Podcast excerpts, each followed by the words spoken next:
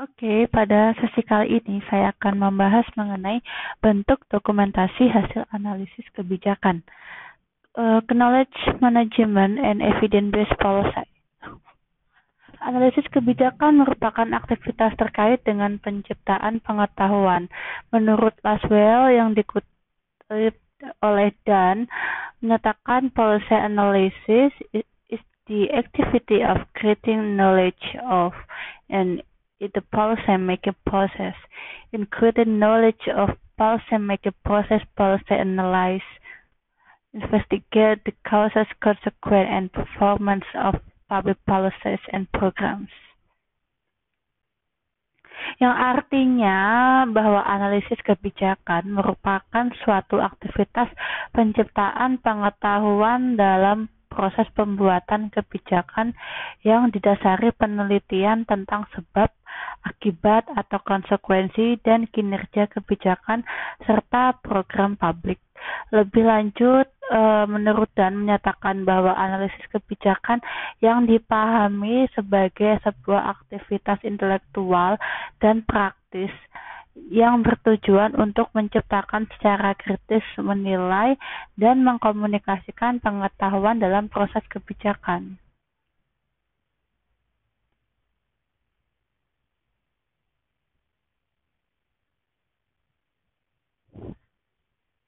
Kemudian uh, perlunya knowledge management yang baik sehingga akan mendukung tercapainya evidence based policy karena analisis kebijakan dilakukan dalam upaya untuk menciptakan kebijakan berbasis bukti. Nah, jadi uh, para analis memproduksi informasi dan argumen-argumen yang beralasan tentang solusi-solusi yang potensial dari masalah publik yang didasari oleh penelitian dan mengomunikasikan pengetahuan tersebut dalam proses kebijakan. Knowledge management uh, memiliki arti menurut beberapa ahli, sedangkan tujuannya adalah meningkatkan kemampuan organisasi untuk melaksanakan proses inti agar lebih efisien. Yang pertama, menurut Dimtia dan Order, Knowledge management adalah penggalian dan pengorganisasian pengetahuan untuk mengembangkan organisasi yang menguntungkan dan lebih efisien.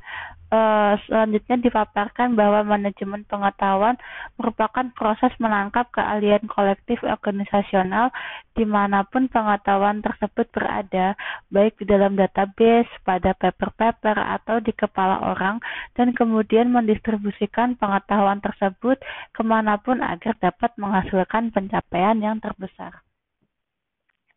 Selanjutnya menurut Wick, manajemen pengetahuan adalah bangunan sistematis, eksplisit, dan disengaja. E, pembaruan dan aplikasi pengetahuan untuk memaksimalkan efektivitas yang berkenaan dengan pengetahuan organisasi dan pengembalian kembali aset pengetahuan organisasi. Menurut Townley, Manajemen pengetahuan adalah seperangkat proses menciptakan dan berbagi pengetahuan ke seluruh organisasi untuk mengoptimalkan pencapaian misi dan tujuan organisasi. Jadi, manajemen pengetahuan adalah mengenai peningkatan penggunaan pengetahuan organisasional melalui praktik-praktik manajemen informasi dan pembelajaran organisasi untuk mencapai keunggulan kompetitif dalam pengambilan keputusan. Uh, menurut Davenport, mengidentifikasi empat tipe besar aspek manajemen pengetahuan. Yang pertama, menciptakan simpanan pengetahuan uh, penekanannya pada menangkap pengetahuan dan memperlakukan pengetahuan sebagai suatu entitas yang terpisah dari orang-orang yang menciptakan dan menggunakannya. Maka yang dilakukan adalah membuat dokumen yang berisi pengetahuan yang telah direkam dan menyimpannya di suatu simpanan di mana dia bisa dengan mudah diakses. Yang kedua yaitu meningkatkan akses terhadap pengetahuan dan transfer. Menekankan pada aktivitas penyediaan akses ke pengetahuan atau memfasilitasi transfer pengetahuan antar individu. Dalam hal ini biasanya terdapat kesulitan yang terletak pada bagaimana menemukan orang dengan pengetahuan yang dibutuhkan dan lalu secara efektif mentransfernya ke orang lainnya. Hal ini juga akan tergantung pada peningkatan kapabilitas teknologi organisasi bersangkutan. Aktivitas dari proyek ini biasanya berbasis komunal, e, biasanya berbentuk komunitas online atau komunitas tatap muka, workshop, seminar, sistem konferensi video desktop, scan dokumen, dan perangkat berbagi lainnya. Yang ketiga, menyuburkan lingkungan pengetahuan. Proyek ini terkait aktivitas membangun lingkungan berkontribusi untuk penciptaan, penyebaran, dan penggunaan pengetahuan yang lebih efektif. Aktivitas yang tercakup di sini misalnya pembentukan kesadaran dan pembudayaan, perhatian terkait pentingnya berbagi pengetahuan, termasuk juga di dalamnya adalah Bagaimana mengubah perilaku dan memberikan insentif untuk berbagi pengetahuan. Yang keempat, yaitu mengelola pengetahuan sebagai suatu aset. Fokusnya adalah memperlakukan pengetahuan sebagaimana aset lain di neraca keuangan. Namun sifat pengetahuan yang tidak secara konkret berwujud memang membuatnya sangat susah untuk ditransformasi dan diestimasi dalam konteks finansial.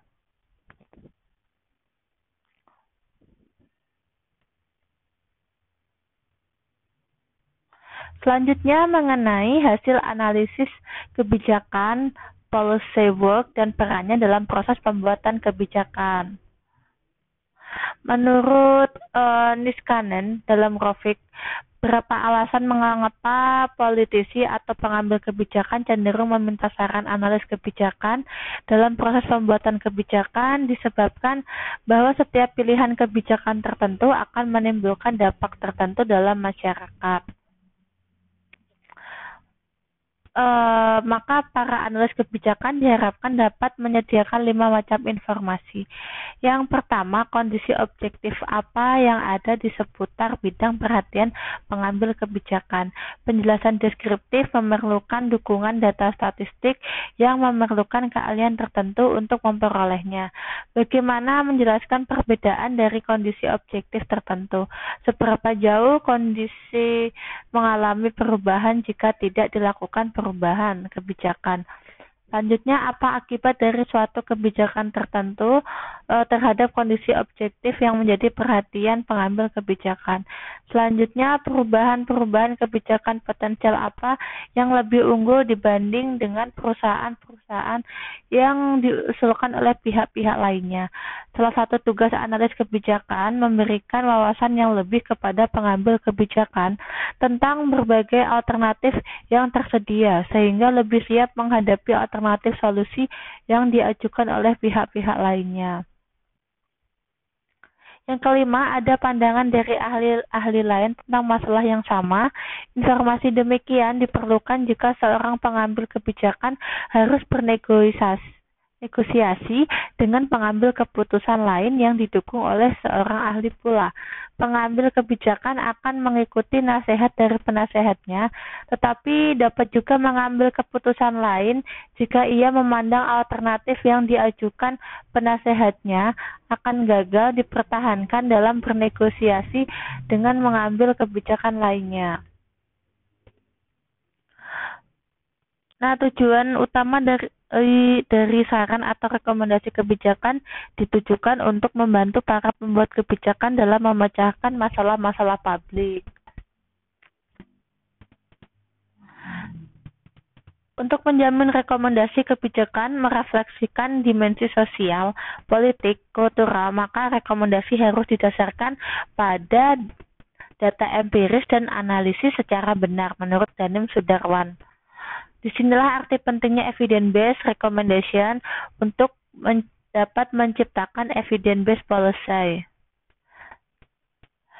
Berikut ada beberapa kemungkinan pembuat kebijakan memperlakukan rekomendasi kebijakan seperti satu Mengadopsi rekomendasi dua Mengadaptasi rekomendasi ketiga Membangun rekomendasi baru dan empat Menolak rekomendasi Selanjutnya, penyusunan hasil analisis kebijakan menjadi saran kebijakan. Nah, menurut Semeru, banyak penelitian yang telah membuktikan bahwa kegagalan sebuah kebijakan yang disebabkan oleh karena tidak didukung bukti empiris yang akurat dan lengkap. Sebagaimana pentingnya pengambilan keputusan dan penyusunan kebijakan yang partisipatoris, pentingnya penggunaan bukti-bukti nyata evidence-based policy atas dasar hasil penelitian research-based policy dalam mempengaruhi dan memperbaiki kebijakan kini semakin diakui. Nah, buruknya pengambilan keputusan dalam kebijakan publik tidak hanya terjadi di negara berkembang, tetapi e, negara maju seperti Inggris pun juga pernah mengalami. Evidence-based policy dipopulerkan oleh Perdana Menteri Inggris Tony Blair untuk membentuk evidence Base policy sangat diperlukan upaya-upaya dalam berbagai aspek. Gary Banks menyatakan beberapa hal untuk memenuhi evidence-based policy. Yang pertama, ini ada digambarkan dalam diagram essential ingredients of evidence diadaptasi dari Banks. Yang pertama yaitu what constitute What constitutes real evidence? Terdiri dari metodologi, analytical approach allow for proper consideration of the problems dan capacity. Research skills research skill are sufficient to undertake the analysis. Selanjutnya yang kedua ada what is adequate evidence available to inform decision time to harvest data, gather new data, and test the analysis. Good data, high quality database support timely analysis. Selanjutnya yang ketiga, how can credible evidence be ensured? Transparency, open debate and discussion to the test and educate the public. Independence, incentive to deliver advice in the public interest. Selanjutnya mengerucut menjadi a receptive policy environment, willingness to the test policy option, and the structures and resources to do so. Uh, penjelasannya dalam bahasa Indonesia apa saja yang merupakan pembentuk bukti nyata.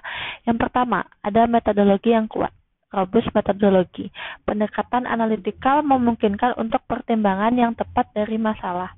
Yang kedua, ada kapasitas penelitian atau research capacity, keterampilan penelitian yang cukup untuk melakukan analisis. Selanjutnya, kapan bukti yang memadai tersedia sebagai informasi untuk pengambilan keputusan? Jawabannya, waktu yang cukup atau sufficient times, memungut data, mengumpulkan data baru, dan menguji analisis.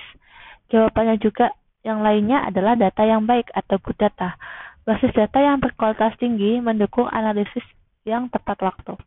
Selanjutnya ada pertanyaan bagaimana cara memastikan kredibilitas bukti. Jawabannya keterbukaan, debat dis dan diskusi terbuka untuk menguji dan mendidik masyarakat dan independensi yaitu insentif untuk memberikan saran untuk kepentingan umum. Selanjutnya adalah lingkungan kebijakan reseptif.